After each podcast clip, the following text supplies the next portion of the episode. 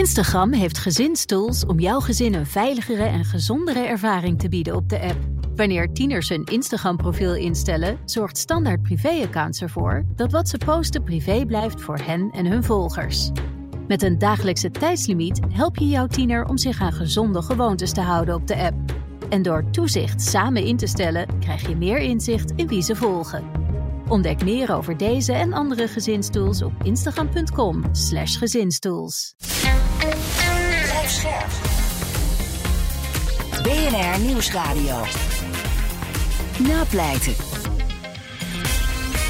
Wouter Laumans en Christian Vlokstra. Nee, er werd heel algemeen verweten deelname aan die organisatie. En ehm, er werd ook nog wel verweten dat, ze daar, dat hij daar een training had gehad. ehm, met eh, eh, hoe hij een wapen moest gebruiken. Ja, dat is dan een voorbereidingshandeling voor een terroristisch misdrijf. Maar het werd dus niet gekoppeld aan concrete activiteiten daar.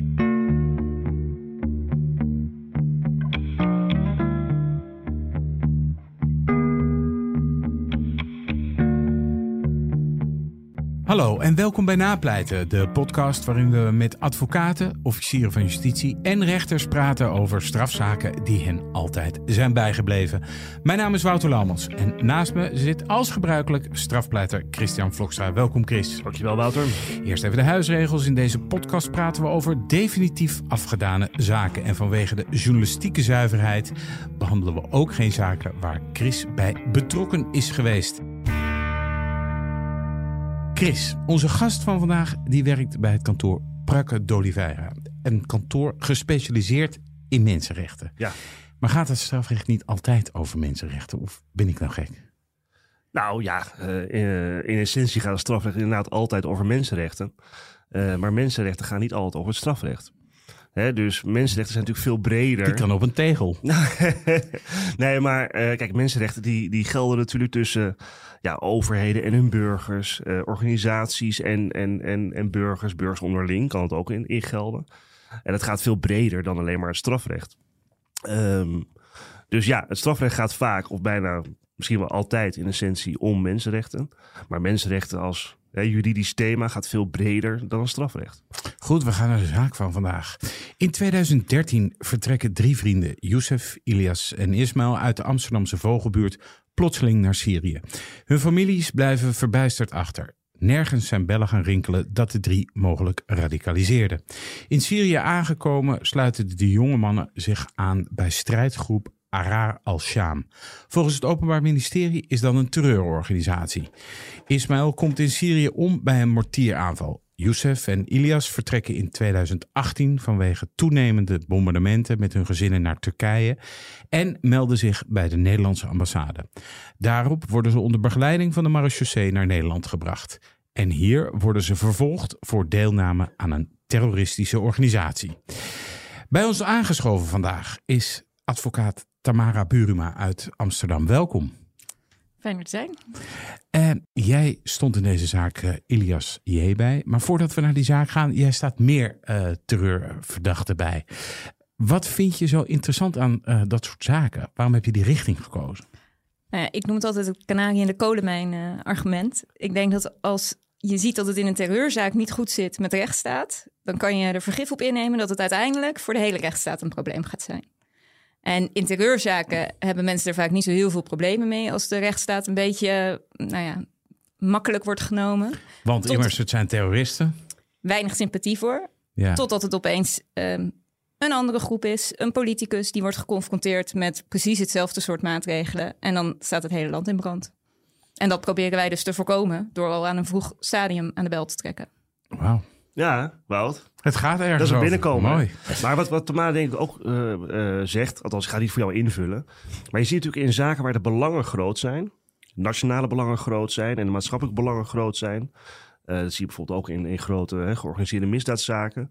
Daar komen de mensenrechten het snelst onder druk te staan, onze rechtsstaat. Hè. De overheid gaat vaak verder dan misschien mogelijk mag. Mhm. Hè, die opereren in het grijze gebied. En ja, hè, de verdediging die, die is heel erg bezig juist om die basis te, te beschermen. Om te voorkomen hè, dat, dat cliënten worden veroordeeld. Dus daar botsen die belangen heel erg. Dat komt natuurlijk omdat ja, iedereen is daar doodsbang voor. Voor terrorisme en terreur. Dat zijn natuurlijk de dingen die, die mensen toch in het kern van de, de samenleving ook in het, in het hart raken, denk ik niet, Tamar? Nou, zeker. En zeker natuurlijk als je het hebt over terrorisme hier in Nederland. Ehm, wat je wel ziet, is dat het ook wel een heel makkelijk middel is om over zaken in andere landen, waar de situatie veel complexer is, vrij makkelijk zwart-wit frame te plaatsen. En dat zie je denk ik eh, bijvoorbeeld in een situatie als Syrië, waar je te maken hebt met een extreme dictator, uh, Assad. De afgelopen tien jaar is 90% van de burgerdoden is op zijn naam en zijn groepen te schrijven. Daar gaan dan mensen tegen in opstand komen, die gaan daar tegen strijden. Daar is Nederland het mee eens. Die staat daarachter, die uh, geeft zijn support daarvoor. Beetje zoals in Oekraïne nu ook? Beetje zoals in Oekraïne nu. Nou, sterker nog, misschien wel best wel veel. Want ook ja. daar komen de Russische vliegtuigen waar de burgers zich tegen moeten beschermen. Ja, en dan loop je er opeens tegenaan dat daar dus groepen ook geweld gaan gebruiken tegen Assad en tegen de legers. Maar geweld en een oorlog, dat is extreem messy. is niet voor niks dat daar eigenlijk eigen regels voor gelden tijdens oorlogssituaties. Maar dan gaan er Nederlanders heen. En die Nederlanders die worden ervan verdacht dat ze daar meegestreden hebben. Ja, en hoe ga je dan als Nederland in je keurige Nederlandse regelgeving om met dat gegeven? En met het gegeven dat je aan de ene kant wil dat daar mensen gaan strijden tegen Assad, maar aan de andere kant dat je absoluut niet wil dat Nederlanders strijders zijn. We gaan het hebben over de zaak ja. van Ilias J. Wij vragen onze gasten altijd om een zaak uit te kiezen voordat ze hier te gast zijn. En waarom heb jij deze zaak uitgekozen, die van Ilias J?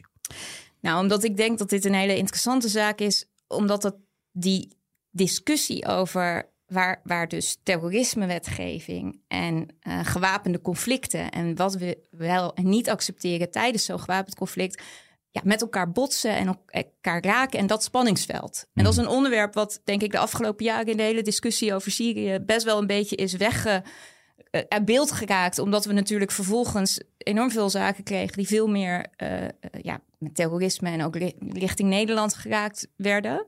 Terwijl dat is wel waar het allemaal mee begon. Dat daar een gewapend conflict werd gevochten, waar wij achter stonden. Even Tamara, want even in mijn herinnering, hè, want dat is ook alweer jaren geleden natuurlijk. Ik weet altijd inderdaad, hè, die, die oorlog begon. Uh, hè, groepen gingen daar tegen strijden. En op een gegeven moment kregen we natuurlijk uh, IS eigenlijk. Hè, dat kwam naar voren en daar kwamen de meest vreselijke beelden vandaan. Um, Volgens mij was het daar gewoon in die hele regio toch al jaren een hele grote puinhoop. En toen Amerika zich terugtrok, kwam IS op tegelijkertijd het burgeroorlog in Syrië. En had je daar een soort met van. Ja, maar dat kwam samen. Ja, speciaal. Nou ja, um, wat je eigenlijk zag was dat je juist hè, een hele optimistische uh, periode even had met alle lentes, de Arabische lentes. Ja. Dat je in allemaal verschillende landen zag dat de bevolking, eindelijk zou je misschien wel kunnen zeggen, uh, dictators afzetten of in ieder geval hervormingen wist door te drukken. Ja. Nou, dan krijg je de Syrische lente, waarin uh, het volk ook in opstand komt. Um, dat wordt keihard neergeslagen. Dan krijg je dat daar dus verschillende groeperingen, vaak ook heel lokaal, zich ontwikkelen. Soms niet meer dan, dan lokale dorpswachten die samen klonteren totdat ze wat groter zijn en gaan vechten. En vervolgens krijg je dat er uh, vanuit allemaal kanten ontzettend veel interesse in die hele regio is. En dat nou ja, groeperingen, landen, iedereen gaat zich ermee bemoeien. En krijg je dat er groepen opkomen, uh, zoals IS. Die deels uit Irak ook afkomstig waren. Um, nou, gaan heel veel verhalen over waar ze nou precies vandaan kwamen.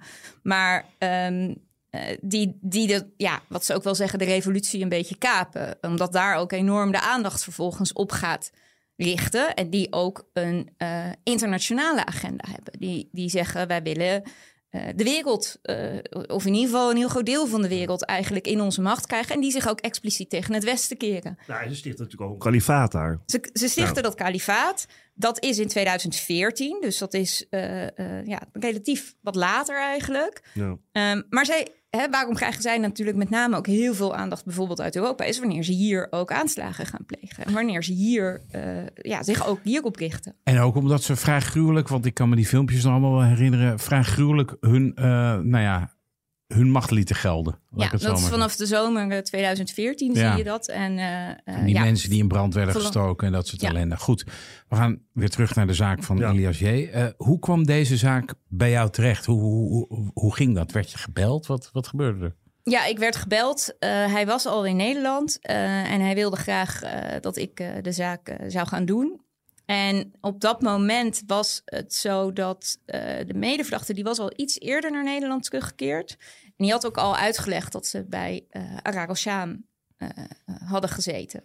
Um, dus het was al duidelijk eigenlijk op het moment dat ik de zaak overnam... dat het daarover zou gaan. En dat daar dus ook een groot deel van de discussie over zou gevoerd worden. Ja, want we hebben het nu net gehad over IS. Jouw cliënt die had zich aangesloten bij Arar al-Sham. In hoeverre verschilden die organisaties? Waren dat vrienden van elkaar? Hoe, hoe, moeten we dat zien?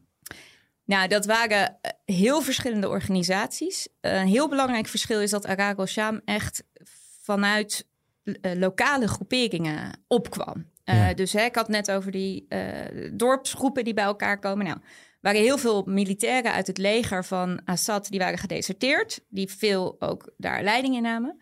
Dus daaruit was het in de opkomst. Wat je dan ziet is dat uh, zeker in het begin er nog heel veel onderling ook wordt samengewerkt. Ook nog met IS. Dat houdt eigenlijk een beetje op. Uh, nou ja, begin 2014, wanneer uh, IS steeds duidelijker zich ook tegen de andere groeperingen richt. Maar zeker 2012, begin 2013 kon er nog wel eens worden samengewerkt. Omdat er gewoon was, ja, wie waren de sterkste bij die specifieke battle. En dat maakt het allemaal heel onoverzichtelijk. Wie nou precies met wie uh, samenwerkt. Had jij toen, voordat je hem als cliënt kreeg, had jij toen al gehoord van die Aram uh, al-Sham? Had jij daar alles van gehoord? Ik wist dat er een heleboel verschillende groeperingen actief waren in uh, Syrië. Deze specifieke groepering kende ik als zodanig nog niet. Um, wat ik wel wist op dat moment al was dat er ook best wel wat discussie was over hoe die verschillende groeperingen met elkaar zich uh, verhielden. En toen je jouw cliënt voor het eerst ontmoette, wat vertelde hij jou? Hoe ging die ontmoeting?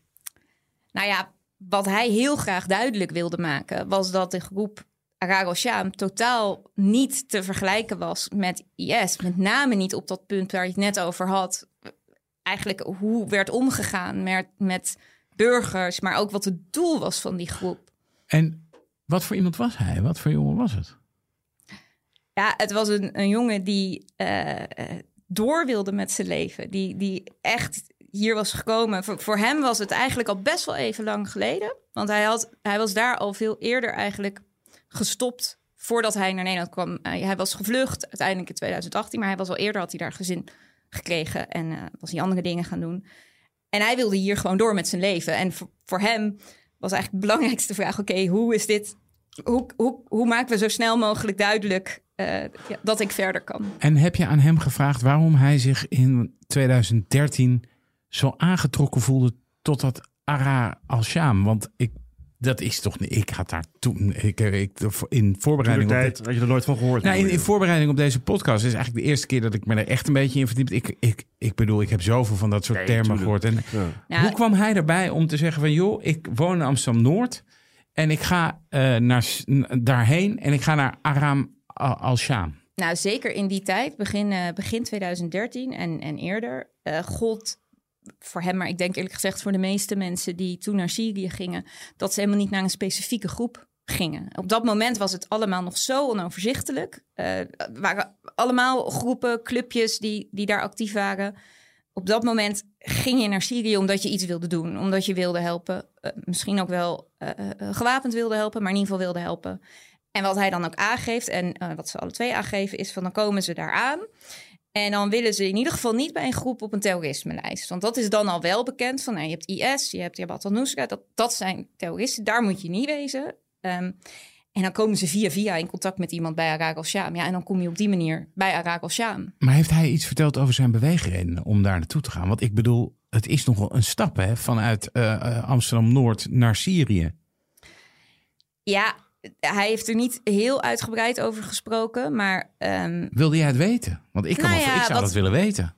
Wat gold, en, en dat, dat paste ook bij wat ik ook breder altijd heb gehoord... is dat dan toch het echt heel erg toch dat idee was van...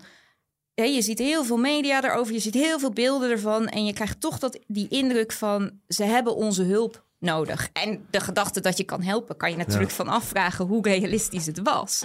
Maar er hing toen wel een beetje een sfeer van. Onderdeel zijn gaan, van de Arabische lente misschien. We gaan helpen. Het zijn onze broeders, het zijn onze zusters die daar uh, in de problemen zijn. En wat was zijn Nederlandse achtergrond? Wat, eh, ik bedoel, wat deed hij hier? En eh, had dat er iets mee te maken dat hij vertrokken was? Of wat, wat was het hier voor jongen? Was het een jongen die gewoon meedraaide in de maatschappij? Was het iemand die niet zo lekker mee kon komen? Gewoon Hij, hij draaide mee in de maatschappij en verder heeft dat ook niet echt een rol gespeeld. niet bij zijn beslissing ook? Om niet bij de gaan? zaak. Nee, oké. Maar Tamara, even voor mijn eh, beeld en ook om meteen maar eventjes juridisch een beetje te duiden. Hè, want hij gaat in 2013 gaat hij naar Syrië. Hij sluit zich aan bij die club. Ehm je zegt in 2014 sloeg het eigenlijk een beetje om hè, qua IS en allemaal verschrikkelijkheden. Ehm, hij is door blijven vechten tegen de Syrische staat. Dan neem ik aan, binnen die club waar hij, hè, zich bij aangesloten had. Daar is hij op een gegeven moment mee gestopt. Is naar Turkije gevlucht. Ehm, wat wordt, werd, werd hem verweten in de zin van alleen maar deelname aan die organisatie? Of werden hem ook specifieke oorlogshandelingen, geweldshandelingen, wat dan ook verweten? Nee, het werd heel algemeen verweten deelname aan die organisatie. En ja, dan wordt het een beetje technisch, maar dan wordt er eigenlijk ook altijd automatisch voorbereidingshandelingen van terrorisme eh, verweten. Maar dat is eigenlijk hetzelfde als die deelname. Ja. Namelijk, ja, je bent erheen gegaan. Ehm, er werd ook nog wel verweten dat, ze daar, dat hij daar een training had gehad ehm, met eh, eh, hoe hij een wapen moest gebruiken. Ja, dat is dan een voorbereidingshandeling voor een terroristisch misdrijf. Maar het werd dus niet gekoppeld aan concrete activiteiten daar. Nee. Een specifieke veldslag of specifieke handeling. En wilde hij zijn leven hier voortzetten in Nederland? Wat, eh, wa- wat wilde hij? Ja, toen in 2018, toen hij hier was. eh, en, en sindsdien wil hij zijn leven hier eh, voortzetten. En, en ja, ziet hij hier een toekomst. Kijk, ik denk ook, hij heeft daar best wel snel beseft dat hij eigenlijk niet zo heel veel kan betekenen voor de mensen daar. En dat zijn rol daar niet per se heel veel hielp voor het hele conflict. Dus hè, in die zin is er ook denk ik wel iets van nou ja, teleurstelling, maar in ieder geval een, een, een, een switch in, in besef dat je daarheen gaat met misschien hele eh, idealistische ideeën over wat je daar kan doen. En dan is de werkelijkheid is natuurlijk ontzettend grauw en ingewikkeld en moeilijk. Ja, en dan besef je dat je gewoon hier moet zijn. En toch snap ik dat het Openbaar Ministerie in Nederland dan toch een beetje stijgert. Want dit zijn mensen die toch uit ideële motieven eh, naar een regio zijn gegaan waar eh, behoorlijk wat vreselijke dingen zijn gebeurd in die jaren. Ehm, die heeft eh, al dan niet gevechtstraining gehad. Eh, ja, en Nederland en ik denk de rest van Europa is natuurlijk als de dood voor dit soort mensen. Omdat misschien wel eh, dit aanslagplegers kunnen zijn die hier opeens eh, nou ja, denk maar aan de Bataclan of aan andere dingen. Dat is het gevoel wat, wat zo'n verhaal. Hè, ik snap dus wel dat het Openbaar Ministerie hier behoorlijk van even, even goed naar gaat kijken. Van joh, wat, wat, wat, wat is dit nou? Ik snap heel goed, en ik denk dat het altijd verstandig is, dat je mensen die eh, eh, uit een, een oorlogsgebied komen, dat, dat je die wil, wil checken, dat je wil kijken, oké, hoe gaat het met jou? Ik denk eerlijk gezegd dat dat ook geldt voor, voor onze eigen soldaten die Mhm. terugkeren. Dat je zegt, ja, hè, hoe gaat het met jou? Wat heb je meegemaakt? En, en is er een risico? Ehm, wat natuurlijk interessant is, en, en dat is waar denk ik deze zaak zo, ja, zo benadrukt. Kijk, dat Arar al-Sham, dat was in tegenstelling tot bijvoorbeeld IS of Jabhat al-Nusra... totaal niet gericht op iets buiten Syrië. Die wilden in Syrië iets bereiken, niet in de rest van de wereld. Dat is ook waarom de IVD bijvoorbeeld heeft gezegd... ja, wij gaan, zelfs na deze uitspraak dat de IVD zegt... ja, het is nu door het OM misschien als terroristische organisatie begrepen... maar wij gaan het niet op onze terrorisme-lijst zetten... want voor Nederland is er helemaal geen gevaar. Maar mag ik vragen, hè, want dat is misschien een beetje de, de, de roze olifant die ook misschien een beetje in de kamer staat. Ehm eh, betroffen dit, waren zij geradicaliseerd in islamitische zin? Want dat is natuurlijk vaak hè, waar men een beetje huiverig voor is. Van op het moment dat mensen radicaliseren, hè, dat ze vanuit die radicalisering mogelijk ja, ernstig strafbare feiten gaan plegen. Nou, daar waren eigenlijk geen aanwijzingen voor. Maar het is wel een, een, een, ja, een interessant punt wat je noemt. Want wat we dus kregen was... eh cliënt die was op de, eh, op de TA geplaatst. Hè, terrorismeafdeling. Ja, ja, ja, ik zat Ja, ik- Hij kon. Ja, De terrorismeafdeling, dat is de speciale afdeling binnen de gevangenissen... waar eh, nou, met ieder- iedereen die verdacht was van terrorisme, wordt daar geplaatst. Ja. Ja. En hij wilde graag. Hè, en iedereen in elke gevangenis heeft recht op een eh, geestelijk verzorger. Dat kan een eh, priester zijn als je katholiek Een bent, imam. een imam als je moslim bent. Als je humanist bent, is dat een humanistisch verzorger. Ja. Dus cliënt wilde graag een humanistisch verzorger. Slim. Maar dat kon in eerste instantie niet, want er kon alleen een imam op de theaterrecht. Maar dat zou ik misschien ook wel doen als ik terrorist was. Nou ja, laat ik het zo zeggen. Het feit dat daar alleen maar in eerste instantie alleen maar ruimte was voor een imam. Ik moet zeggen, ze hebben het geregeld hoor. Het is uiteindelijk ja. goed gekomen. Maar het, het illustreert natuurlijk een beetje toch de beeld die er heel vaak is van wie zijn de terroristen hier. Ja. Maar ja, het is natuurlijk een, het is echt wordt, een Maar het is complex... ook niet zo gek, dat beeld. Kom op. Nee, zeg. zeker niet. Maar omdat het ook een complex gebeuren is. Ik bedoel, Ja. Je hebt een prachtige documentaire hè, van Sinan Khan eh, eh, ooit gemaakt. Die ging naar Noord-Afrika, Tunesië, Algerije. Ging die daar onderzoeken hoe het nou kwam dat heel veel jonge jongens van daaruit zich aansloten bij IS. En dan krijg je die verhalen ook die hij daar optekent. Dat zijn jonge jongens, hè, 18, 19 jaar. Die zeg maar ook op zoek zijn naar iets en denken: hé, hey, ik, ik kan onderdeel zijn van de Arabische lente, Egypte, noem het allemaal op. En die willen zich, en laten we wel zijn, dat Die regime, zoeken naar dat, zingeving. nee, maar dat regime van Syrië, is een verschrikkelijk is een regime. heel regime. Ja. Dus ja, daar, daar komt bevolking in opstand. Er gaan groepen gaan zich aansluiten. Mensen die gaan daarheen. Weet je? En dan ontstaat IS. En dan ontstaan allemaal verschrikkelijkheden. Die natuurlijk uiteindelijk ons beeld ook een beetje bepalen. Terwijl het natuurlijk veel genuanceerder ligt dan Ja, alleen maar IS. Heeft hij jou ook verteld over zijn leven van alle dag daar? Wat hij dan zo deed? Nou Ja, daar heeft hij wel iets over verteld, maar ik, ik weet niet of staat dat je nou niet vrij, nee. Staat je niet vrij, nee, heel over te zeggen. Ehm, wat Maar ik wel wel kan vertellen daar, is over. Nou, wat Ja. ik kan vertellen over. Dat was wel eh, mooi, want daar heeft hij ter zitting ook veel over verteld. Over, over zijn tijd bij Arar Sham. ehm, eh, zelf. Want daarna heeft hij dus daar gewoon echt leven van alle dag gehad. En daar, ja, dat was niet meer eh, toen hij bij die organisatie zat. Maar bij eh Arar Sham, daar liep hij er dus een beetje tegenaan. Dat hij daar eigenlijk erachter kwam dat hij niet zo heel goed tegen bevelen kon. Hij was een iets te independent spirit daarvoor. En Ja. ik denk dat iedereen in de rechtszaal dat ook wel begreep toen hij dat zei bij hoe hij was. Dat hij nou niet echt iemand is die heel makkelijk eh, bevelen opvolgt. Dus waar hij te- terecht kwam was dat hij situatie kreeg dat ze eigenlijk zoiets hadden van ja, je bent eigenlijk niet zo heel geschikt om nou op uit te sturen. Maar zo'n buitenlander bij je groep, dat geeft wel een zeker aanzien. Dat laat ook zien bijvoorbeeld heel praktisch aan, aan geldschieters eh, die daar in de hele regio zitten. dat, je, ja, dat je een beetje iemand bent. Ja. Dus hij kon daar ehm, een soort van meedraaien. ehm, na die eerste eh, ervaring dus waaruit kwam van... nou, dat, opvolgen van die bevelen, daar ben ik niet zo goed in. Eh, kon hij daar toch nog een poosje meedragen als ja, een soort van uithangbord word je dan Ja, bijna. PR, de PR-man. Ehm, dat dat eh Arar al-Sham, je zei het net al, dat volgens het OM is dat een terreurorganisatie. Het ministerie van Buitenlandse Zaken bestempelde die organisatie als gematigd. En bovendien heeft Nederland een tijdje eh, een groepering gesteund. Dat heette het Levant Front.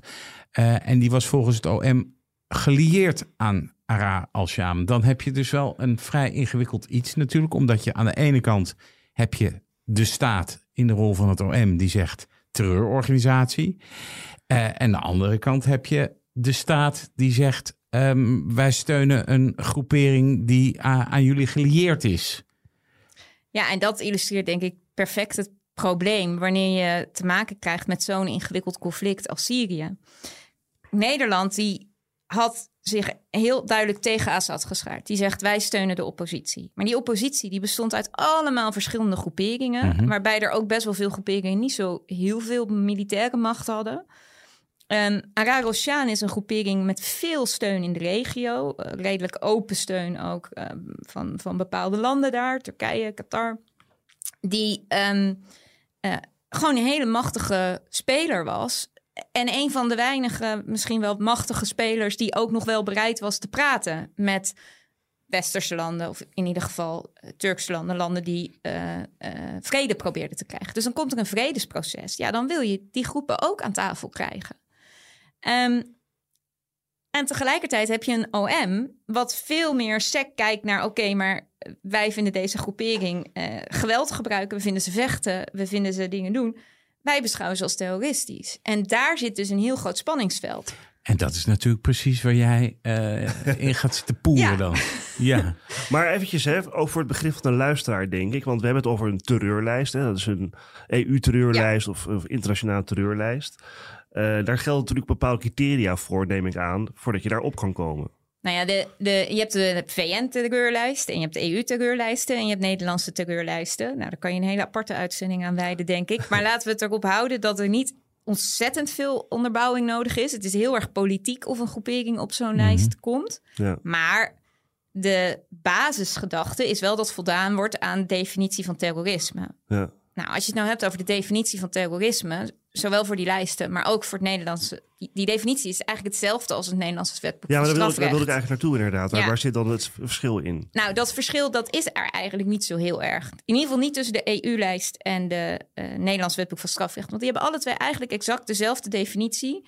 Eh Nederlandse strafrecht is ook gebaseerd op EU-recht. Dus dat is ook niet zo gek dat die definitie hetzelfde is. En die komt erop neer dat op het moment dat jij bepaalde feiten pleegt, moord, doodslag, eh, brandstichting, met een terroristisch oogmerk, dan ja, ben jij terrorist. En als je dat als groep doet, dan ben je een terroristische organisatie. Ja. En, en dat oogmerk, dat is ofwel dat je de bevolking heel veel angst aanjaagt. Ofwel dat jij de overheid dwingt om iets te doen of te dulden. Ehm, ofwel dat jij fundamentele structuren van een land probeert eh, ja, te vernietigen. Ehm, Dat En- is vrij breed. Dat is allemaal heel breed. Helemaal omdat het dus drie... Het is een ofwel. Dus het is Ja. niet... eh hè, één van drie is genoeg. En op het moment dat je zegt... Noem ja, je dat een ofwel? Ik vind het... eh, ja, ik ken dat Ja, woord of- helemaal niet. Een of- ofwel. Ja, ofwel. Ja. Of, ja, ja. Ja. Dat is echt zo'n... Dat is, dat is nou Ja, echt dat you of- speak, Of hè? en of, hè, kan ook. Of, of en of, ja. Ja, want Maar je ja- ziet het vaak in de lastlegging. Eh, eh, Ja, ofwel eindeloos, en, en of. eindeloos. Maar wat, wat is dat? Le- leg het eens Ja, uit. dan kun je afstrepen allemaal. Kijk, die, die, uiteindelijk moet die rechter moet gaan strepen in die telastenlegging. Om te kunnen komen tot uiteindelijke bewijsverklaring. En in zo'n telastenlegging kun je natuurlijk verschillende onderdeeltjes zetten.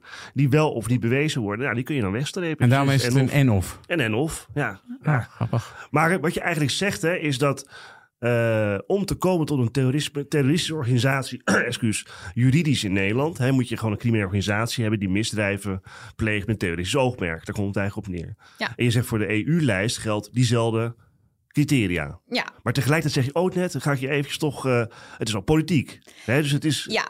Waar, waar ben ik eigenlijk vooral ook bedoel dat voor die EU-lijst er eh, een, een AIVD-ambtsberichtje genoeg is. En het dus niet buiten redelijke twijfel hoeft te staan. Dus in Ja. zekere zin is eigenlijk het, het bewijsvereiste voor de EU-lijsten veel lager dan voor het Nederlandse strafrecht. ja. Ehm, en je ziet ook dat er ook gezegd is door het Hof van Justitie al lang geleden: van ja, het enkele feit dat een organisatie op de lijst staat, is niet genoeg om tot een veroordeling te komen. Want ja, dat kan dus gebaseerd zijn op veel minder bewijs. ja. Maar als je dan niet op die lijst staat, ja, dan zou je ook kunnen zeggen: dan ben je toch wel. Dat, dan is het in ieder geval misschien niet heel voorzienbaar dat je toch alsnog als zo'n organisatie wordt. Ja, of je zou kunnen zeggen, nou ja, als het de ene kant niet op werkt, werkt het de andere kant natuurlijk Nee, ook maar niet op. verplaats je even in haar cliënt. Hè? Want kijk, die gaat natuurlijk in 2013 daar naartoe. Ja. En die kiest ervoor om zich aan te sluiten bij een gewapende strijd... die op zichzelf vanuit het Westen wordt toegejuicht. Bij een organisatie door die, die door het Westen niet op een terrorisme-lijst is gezet.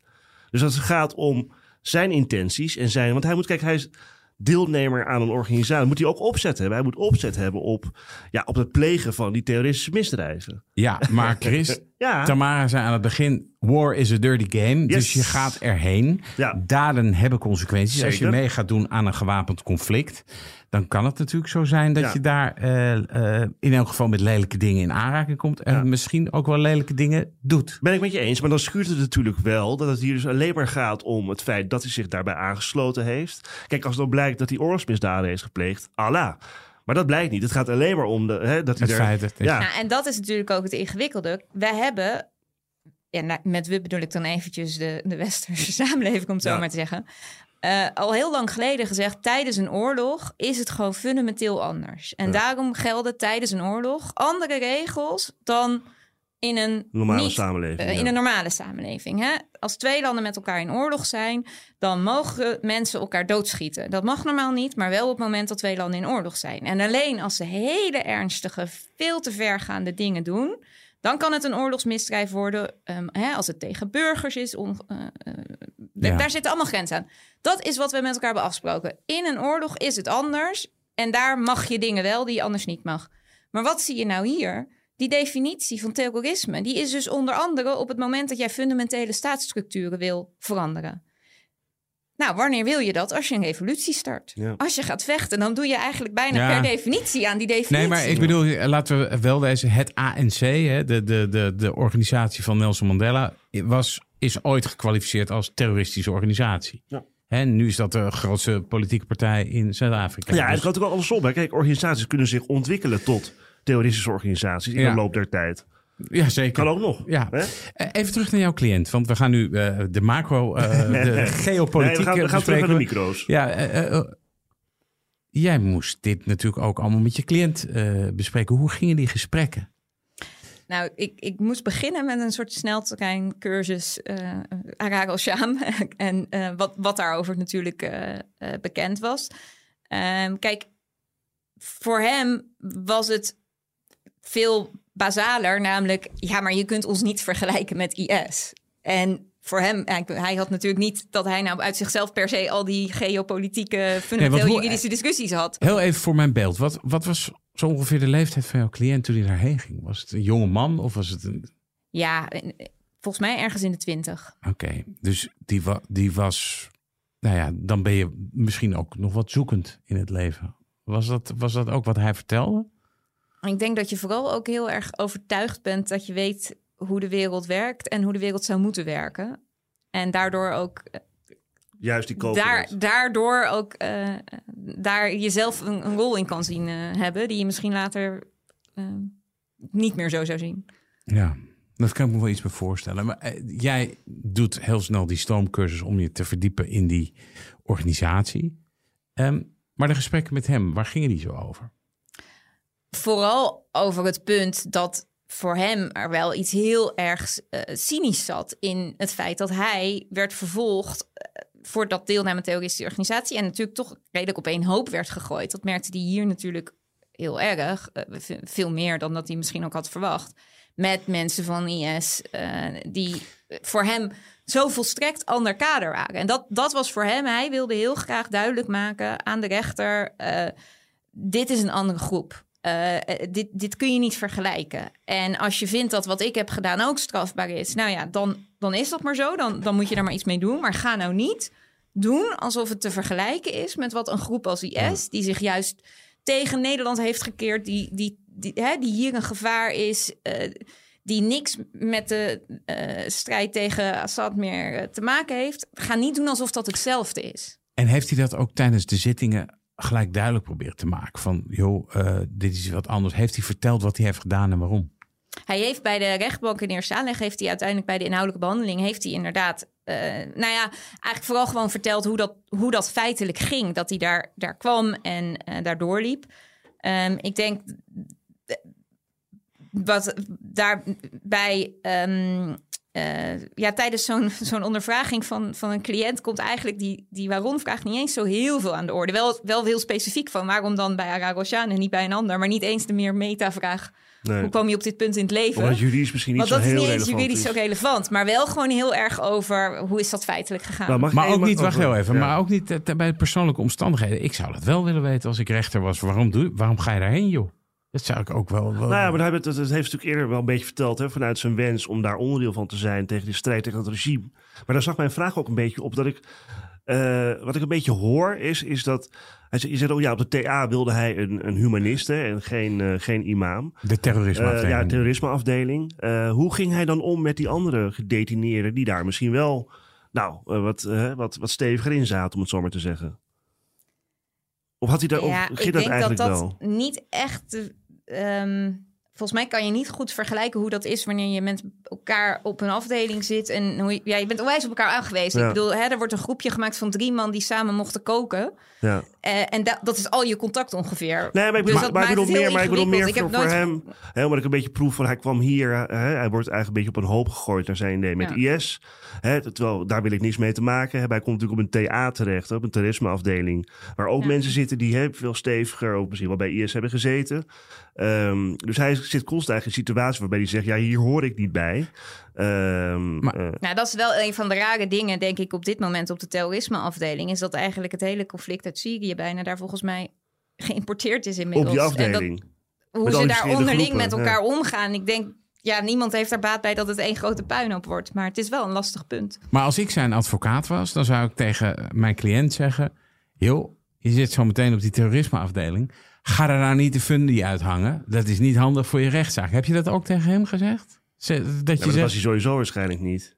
Dat, Nee. dat speelde eigenlijk niet echt. Nee. En eerlijk gezegd, ik, ik sta meer mensen bij op, op de TA. En ja, ik denk dat dat geldt eerlijk gezegd ook voor gedetineerden in andere gevangenissen. Je, je leven zeker in zo'n streng regime als de TA is zo gestructureerd. Ja. Mhm. Daar heb je eigenlijk niet heel veel over van hoe, hoe doe je wel of niet iets, zeg maar. Voor jouw verdediging, hè, ben je toen ook gaan richten op de steun van Nederland aan die ja, zeg maar gelieerde organisatie, wa- waar die uit bestond? Want dat, dat onderstreept natuurlijk wel je punt. Ja, nou ja, gelukkig hoefde ik daar niet zelf superveel onderzoekswerk voor te doen, want het hadden een aantal goede journalisten al gedaan. Ja, collega's van Nieuwsuur. Klopt, dus dat eh, kon ik veel gebruik van maken. Maar wat wij hebben gedaan is, eh, in eerste instantie hebben we heel veel onderzoek zelf gedaan. eh, en ook overlegd aan de, aan de rechtbank. En de, recht, de politie die maakt gebruik van een soort eigen deskundige... die dan een, soort van eigen ja, rapporten schrijft over wat de situatie is. Nou, daar hadden wij heel veel kritiek op. Dus waar hebben we eigenlijk ons eigen stuk teno- tegenover gezet. En in hoger beroep zijn er ook nog deskundigen gehoord.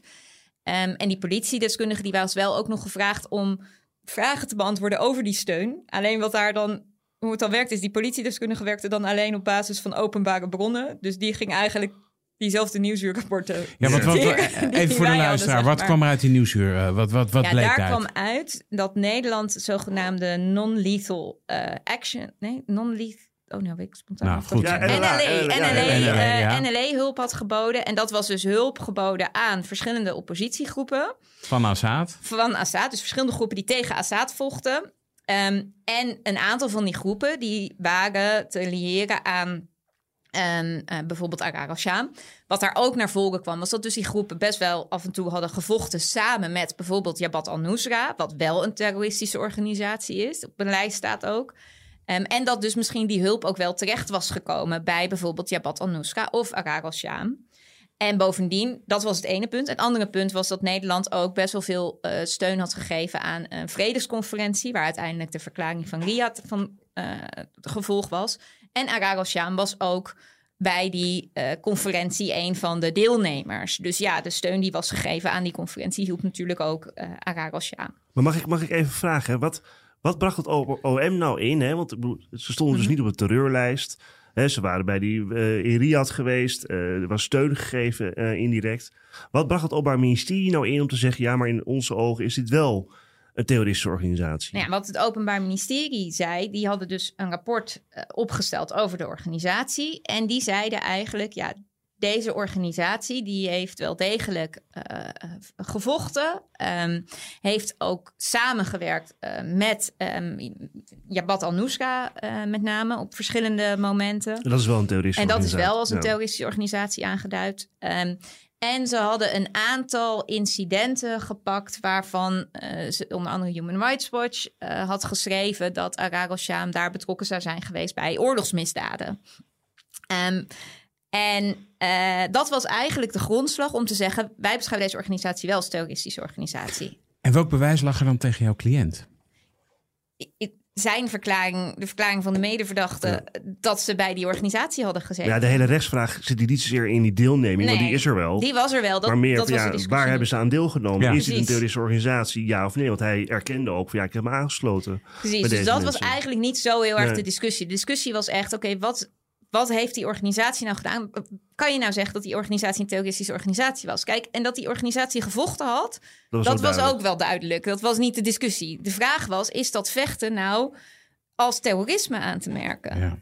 En daar liep dat tegen elkaar aan. En kijk, wat het Openbaar Ministerie altijd heel erg heeft benadrukt, is dat natuurlijk de definitie van terrorisme, eh, zoals het Openbaar Ministerie die ziet, ja, die hoeft niet hetzelfde te zijn als hoe de minister van Buitenlandse Zaken daarnaar kijkt. In de zin van, ja, die hebben, maken misschien gebruik van verschillende lijsten. Maar het Maar is er wel zit een wel beetje, iets heel geks. Het is wel een beetje ongemakkelijk. Ja. Helemaal. Ja, ja, goed, het is toch de overheid die, die op het, ja, verschillende Met maten meet. Ja, Ja. heel simpel toch? Twee Nou ja, ik meet. denk dat het met name gewoon illustreert dat de overheid op het moment dat ze zich in zo'n strijd mengen en besluiten een organisatie te steunen, ja, dat er best een kans is dat die organisatie voldoet aan de definitie van terrorisme in Nederland. Ik denk dat het laat zien dat die definitie in Nederland, en niet alleen in Nederland hoor, maar zo breed is dat die eigenlijk een groepering die vecht, Mhm. Wat je ook vindt van hoe legitiem het is dat die vecht, eigenlijk altijd wel voldoet aan die definitie. ja. Ja, en dan wordt het dus heel afhankelijk van hoe het OM besluit om te gaan. En ik denk, daar is misschien in dit geval inderdaad wat je zei. Maar ben je het wel met me eens, Tamara, dat je uiteindelijk zeg maar, vanuit het juridische wel zou moeten zeggen, kijk, het juridische criterium moet wel leidend zijn. Ja, Hey, juist ook omdat het andere politiek is. Ik, ik haal heel even een, een, een rechtbankverslag aan. Oh. Vanuit Trouw. Eh, en dat is van 1 maart 2019.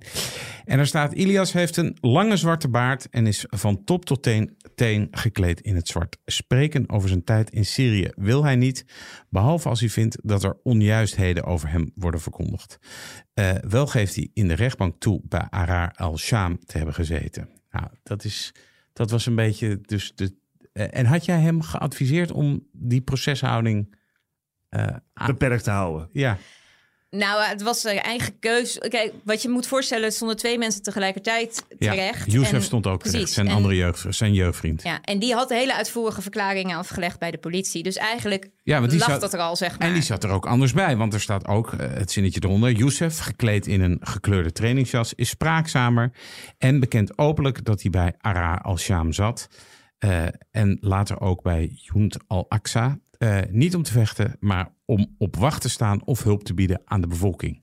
Nou goed, Ja, dus die je kleding dus... weet ik even niet meer. Ik weet namelijk, Nou ja, goed, wat het- ik me heel goed herinner, maar dat was misschien een hoger beroep, was dat cliënt namelijk in een witte blouse met een stropdas binnenkwam. En Ja. dat de rechters toen echt de ik vind het wel, ik vind hoofd het wel grappig dat je het aanhaalt. Want het is natuurlijk ook wel beeldvorming, hè? laten we Zeker. wel zijn. Nou en ook de media daarin. Want het is toch, ja, de man met baard in zwart, nou, die zou wel fout zijn. Nou ja, En- ik kan me... eh, Luister, luister Ja. ik heb wel één keer of een paar keer van die verschrikkelijke IS-achtige films. Kijk, Ja, ik ben de, eh, de geschokte rechtsorde hè, Nee, nee, zeker, zeker, zeker. Maar dat is natuurlijk En ook ik een weet beeld, dat hè? eh, de- die, die Ja. weet je wel. En ik zou dus, maar ja, goed, ik ben eh, een leek, hè. Eh, Ik zou ook als advocaat ook altijd tegen mijn cliënt zeggen: luister, Doe een het- trainingspakje aan. nou ja, of een trainingspak, doe gewoon eh, niet een, een, een, een, eh, hoe heet het, een, een pak aan waarbij je zeg maar Nee, oké, maar twee dingen. tegen je hebt. Maar twee dingen. Kijk, één, ik zeg al tegen mijn cliënten, wees gewoon jezelf. Dat is het belangrijkste.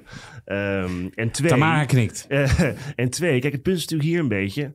Het maakt niet zo heel veel uit of hij eh, een moslim is of niet moslim is, of geradicaliseerd is of niet. Weet je, het gaat erom, heeft hij deelgenomen aan een organisatie met terroristische misdrijf? Dus ik snap ook wel dat Tama dan denkt, ja, ik ga niet deze eh, vrome jongen hier allemaal dingen laten zeggen, want voor het weet komt er weer een beeld van. Het, dat is de denk- niet. Wat hier met name ook heel erg speelt, en dat, dat is precies dat punt over laat iemand vooral zichzelf zijn. Ja. Ehm, je, ik denk dat een rechter misschien ook wel denkt, eh, oh, precies zoals je eigenlijk zegt. Ja, dat komt opeens ja, in zijn aan. daar komt hij heel netjes Ja. aan. En dan eh, denkt van, oh ja, dit heeft hij natuurlijk gedaan voor deze zitting. Ja. Dus ik denk dat op het moment dat iemand eh, eh, ja, gewoon zelf kiest hoe hij eruit ziet, zelf kiest hoe hij zich presenteert, is hij ook het meest op zijn gemak. Ja. En hij ging ook echt het gesprek aan met die rechter. En dat was heel opmerkelijk, vond ik. Want wat je merkte was dat die rechter ook best wel... ja, tijdens die zitting echt wel eh, begon... ja, een soort klik bijna kregen. Vervolgens bij de persoonlijke omstandigheden was cliënt nogal kritisch op het, het regime op de terrorismeafdeling. Toen was de klik weer wat minder. Maar Ja. tijdens die bespreking van die feiten. En dit was natuurlijk wel een situatie waar wij heel erg te maken hadden met eh, ja, mogelijke vooroordelen bij de rechter, bij het OM. Niet eens zozeer heel bewuste vooroordelen, maar wel met een idee. Dit is hoe het er in Syrië aan toe gaat. Dit weten we inmiddels wel een beetje. Dit is niet de eerste zaak die we doen. We kennen een beetje de situatie. En wij moesten duidelijk maken van ja, maar luister, in deze zaak is de situatie niet één op één te combineren met die andere zaken. Nee. Je moet er echt even opnieuw naar Mm. kijken. En dan helpt het wel heel erg als jouw cliënt zich ook vrij genoeg voelt om op die manier met die rechter te spreken. En misschien ook eens een keertje tegen die rechter in te gaan. Als die rechter vanuit zijn, wat hij uit andere zaken heeft meegekregen, aannames, een beetje een, ja, een vraag stelt. Die ja, een beetje vragen naar de bekende weg lijkt. Had je je cliënt voorbereid eh, op, nou ja, het OM eiste zes jaar cel. Ja. Wat vond je van de eis? Nou, dat was op dat moment een gelijke eis voor deelname aan I- eh, IS. En dat vond ik niet echt fair. Het was tegelijkertijd dus wel iets waar ik op had voorbereid. Van ja, dit is wat er tegenwoordig wordt ge- hè, wat, wat meestal wordt geëist. Als er niet meer is dat mensen echt concreet foto's hebben of weet, weet ik veel wat. Ehm, maar dat was wel ook een punt waar we heel nadrukkelijk over hebben gehad. Van ja, als je dus tot de conclusie komt dat dit terrorisme is, Allah, maar ga dan niet qua straf op dezelfde lijn zitten. Nee. Ehm, en dat bleef toch uiteindelijk wel op dezelfde lijn. En dat werd ook ehm, niet ontzettend onderbouwd, want er werd heel erg aangesloten bij het algemene kader van het probleem van terrorisme. Ja. Ehm, dus dat, daar zat dat wel, eh, dat, dat zat er wel in. Maar het was dus in die zin wel de te verwachten eis, om het zo maar te zeggen. Ja, wat je hebt gezegd, dezelfde strafeisen tegen iemand die bij IS heeft gezeten, als iemand die bij een heel andere groep heeft gezeten, doet geen recht aan de complexiteit van het Syrische conflict. En dat is natuurlijk ook. Hè, dat, dat Ja, is natuurlijk. vergelijken het met de, de criminele organisatie moord en een criminele organisatie witwas, ik zeg maar wat. Hè. Hè, ik bedoel, ja, dat, die deelname daaraan, die wordt natuurlijk alles gewaardeerd, ook in strafmaat. Zeker, zeker. Ehm, heb je gewoon een vraag? Hè? Heb je wel eens de behoefte gehad om, om zelf die kant uit te gaan? Om eens te kijken van hoe, hoe, hoe, hoe zit het daar nou? Puur als, als onderzoeksmissie bedoel je? Ik nou ja, bedoel, kijk, als je ik veel... heb nooit veel... behoefte gehad om er zelf nee, heen te gaan. ja, de om- daar op vakantie, maar- eh, dat lijkt me... Nee, maar omdat je deze zaken doet, bedoel je Ja, toch? Gewoon, dat je ik ga daar eens kijken van hoe het daar nu is. Nou, het, het is daar zo verschrikkelijk dat ik daar geen behoefte aan heb gehad om daar heen te gaan. Ik, ik heb wel ehm, gemerkt en, en wel mede door deze zaak nog veel meer de behoefte gehad om wel echt me te verdiepen in wat daar speelde. Omdat ik toch wel Ja. besefte dat zelfs als je best geïnteresseerd bent en nou ja, misschien voor mijn gevoel ook best wel daar wat eh, dieper naar keek dan de gemiddelde persoon, maar dat het beeld wat je krijgt toch wel heel erg focus is, om het zo maar te zeggen. Omdat er zo'n aandacht is voor IS. Mhm. Begrijpelijk, maar daardoor de, het conflict zelf lastig, eh, ja, wordt, wordt daardoor heel erg een conflict over IS. Terwijl het natuurlijk voor de bulk van de bevolking daar uiteindelijk niet daarover gaat, maar over Assad, Russische vliegtuigen, van alles en nog wat. In de krant, hè, jullie hebben, eh, nou ja, zeg maar, bepleit wat, wat, wat, eh, over, ook over het buitenlandbeleid, eh, de steun aan de organisatie of de, de zijdelingse steun. Eh, in de krant was de kop: advocaten van Syriëgangers gebruiken Nederlands Syrië-beleid beleid om hun cliënten vrij te krijgen. Ja, ik moet even lachen hoe zo'n kop dan geformuleerd is. Nog eentje. Overheidssteun aan rebellen belemmert vervolging van Syriëgangers. Ja, Ja. ik heb elke keer geprobeerd dat om te draaien, maar daar ging de media helaas niet in mee. Nee. Dat het Nederlands beleid liet zien dat het geen terroristen waren. Ja. Grappig hoe een kop, ik zit er even over na te denken, hoe een kop kan werken. Hè. Die eerste is het gewoon, die vuile advocaatjes hebben weer een trucje bedacht. En die tweede zet eigenlijk het overheidsbeleid eh, centraal. Nee, dat zijn. Ja. dat zijn- eh, je pleidooi, dat had niet helemaal het eh, gewenste effect. De rechter kwam tot hetzelfde oordeel als het OM. Arar el-Sham is terroristisch. Eh, en daarmee plaatste de rechter de groepering in, het, in dezelfde categorie als IS en Al-Qaeda. En de straf was zes jaar. Hoe reageerde jouw cliënt? Ja, teleurgesteld. Eh, met name toch ook vanwege die straf. Eh, dat het, maar, maar dus die, juist die koppeling, dat er werd gezegd, ja, het is eigenlijk hetzelfde. Dat was voor hem het grote punt. Ja. ja. Je bent in hoger beroep gegaan. Wat was daar de uitkomst? Ja, die was beter. Ehm, helaas nog steeds dat het een terroristische organisatie was. Maar daar was wel meer oog voor dat het echt wel een andere groepering was. Er werd ook een eh, stuk lagere straf opgelegd. Wat, eh, wat, was, de, wat was de straf? Volgens mij vijf jaar en vier maanden uit mijn hoofd. Ja, En toen ja ik, heb, ik heb het arrest voor me liggen. Correct, vijf jaar en vier maanden. ja. En dan cassatie. Ja, kijk, en dat was dit. In deze zaak wilden we echt eh, dat kwestie van dat oogmerk aan de orde stellen. Hoe zich, hoe, hè, of dat omverwerpen van de overheid, is dat nou genoeg om van terrorisme te spreken? Ehm, en in cassatie heeft, ja, heeft lang geduurd, de cassatie. Uiteindelijk heeft de Hoge Raad eh, gezegd op een voor de Hoge Raad kenmerkend eh, onduidelijke wijze dat het Oh. in ieder geval in dit geval eh, eh, wel genoeg was onderbouwd dat het een terroristische organisatie was. Eh, maar omdat het zo lang had geduurd, is er toen ook nog een klein beetje van de straf afgegaan, volgens mij. Ja, en misschien is het wel goed hoor, om eventjes, eh, want ik, ik heb het Hoge Raadarrest ook voor me liggen. En daar staat dan weer het hof, de Ja, hofoverweging je hebt daar een heel pak papier. Ja, maar dat ga ik niet al voorlezen hoor, dus geen zorgen luisteraars. Eh, maar wat ze een beetje vast hebben gesteld is dat het Hof heeft vastgesteld hè, dat Arar al-Sham een radicaal-islamitische beweging betrof. En die gericht was op het stichten van een op een sharia gebas- gebaseerde theocratische republiek. Eh, ze hebben eerder sectarisch geweld eh, uitgevoerd voor 2012. Daar hebben ze daar geen afstand van genomen. En in 2012 en 2016, of in die periode, hebben ze dorpen en steden belegerd. Dat is ook niet allemaal even wijs gegaan. En, op die, en ze werkt natuurlijk samen Het klinkt met- niet als een hele gezellige club. Ja, nee, maar goed, je ziet wel hè, dat, dat het is natuurlijk anders dan IS, hè, die een kalifaat hebben gesticht en Ja. de meest verschrikkelijke misdrijven Ja. hebben gepleegd. Dat wordt hier natuurlijk wel uit alle kanten en hoeken en gaten worden de argumenten erbij gehaald hè, om, om deze terroristische organisatie terroristisch te maken in juridische zin. Ja, en wat ik er zelf toch wel interessant aan vind, je ziet dat zowel het Hof als de Hoge Raad durven het niet aan om te zeggen dat het fei- feit dat je een staatsstructuur omverwerpt, dat dat op zichzelf al terrorisme is. Ze Nee. proberen er toch bij te halen dat daar toch in ieder geval angst voor de bevolking moet zijn geweest, om het zo maar te zeggen. Dus dat dat oogmerk van die angst aanjagen, ja, dat dat dan toch een soort van wel erin zat. Ja. Ehm, en ik denk dat dat wel laat zien, ja, dat spanningsveld. Eh, en ik leid daar toch dan misschien wat optimistisch uit af dat de gedachte toch wel is van ja, we gaan niet het feit dat je vecht tegen iemand als Assad als zodanig terroristisch vinden. Dan moet er iets bij worden gehaald waarmee we het kunnen ja, kleuren Terug dat het toch de net iets toe, erger is. ja. eh, dat het toch een deel van de bevolking in ieder geval angst aan heeft gejaagd. eh, om het dan een terroristische groepering te vinden. Jij zei net van eh, mijn cliënt die wilde ze eigenlijk gewoon zijn leven eh, voortzetten. Is dat inmiddels eh, gebeurd? Ik hoef niet de persoonlijke details te weten van wat hij. Maar hij, hij is, eh, hij, is, hij heeft zijn straf uitgezeten.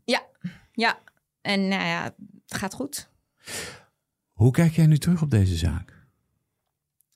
Nou, wel een, een beetje dubbel in de zin dat ik toch een beetje gefrustreerd was dat, eh, dat over de, de organisatie, dat ze daar toch uiteindelijk van hebben gezegd dat terroristische organisatie was. En, en ook dat ze toch in mijn ogen wel heel veel van mijn cliënten hadden verwacht qua dat hij moest hebben geweten dat het een terroristische organisatie was. Ik denk als je als minister zegt.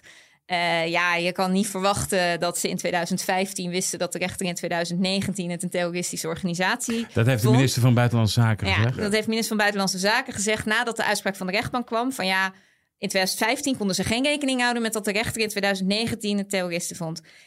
Maar dat je dat dan wel verwacht van een jongen uit Amsterdam-Noord die in, In 2013 2013, daarheen gaat. Ja, vind ik best wel vergaan. Tegelijkertijd vind ik wel dat je ziet, er is echt wel een onderscheid uiteindelijk gemaakt. En ik denk ook wel, nou wat ik net zei, het heeft wel enigszins verduidelijkt dat er, er, er is nog wel mogelijkheid om tegen een dictator op te staan. Eh, en en dat dat niet als terrorisme wordt beschouwd. En het heeft denk ik wel ook voor zeker in ieder geval de, de juristen scherper gesteld dat daar dus echt wel een groot spanningsveld zit. Ehm, en ja, hoe zich dat gaat uitpakken in, in, in andere situaties, ja, dat zullen we moeten afwachten. Tamara Buruma, bedankt voor dit verhaal en je komst naar onze studio. Dankjewel. Dit was Napleiten. Mijn naam is Wouter Laumans en naast me zit co-host advocaat Christian Vloksta. Deze podcast is te beluisteren op Apple Podcasts en Spotify. Vergeet u vooral niet te abonneren, dan bent u op de hoogte als er een nieuwe aflevering online staat. En verder zijn we te volgen op Twitter en Instagram. Dank voor het luisteren en heel graag tot de volgende keer.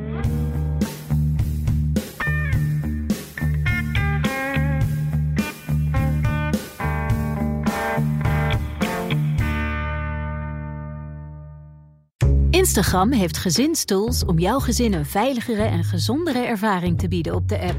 Wanneer tieners hun Instagram-profiel instellen, zorgt Standaard Privé-accounts ervoor dat wat ze posten privé blijft voor hen en hun volgers. Met een dagelijkse tijdslimiet help je jouw tiener om zich aan gezonde gewoontes te houden op de app. En door toezicht samen in te stellen, krijg je meer inzicht in wie ze volgen. Ontdek meer over deze en andere gezinstools op instagram.com/gezinstools.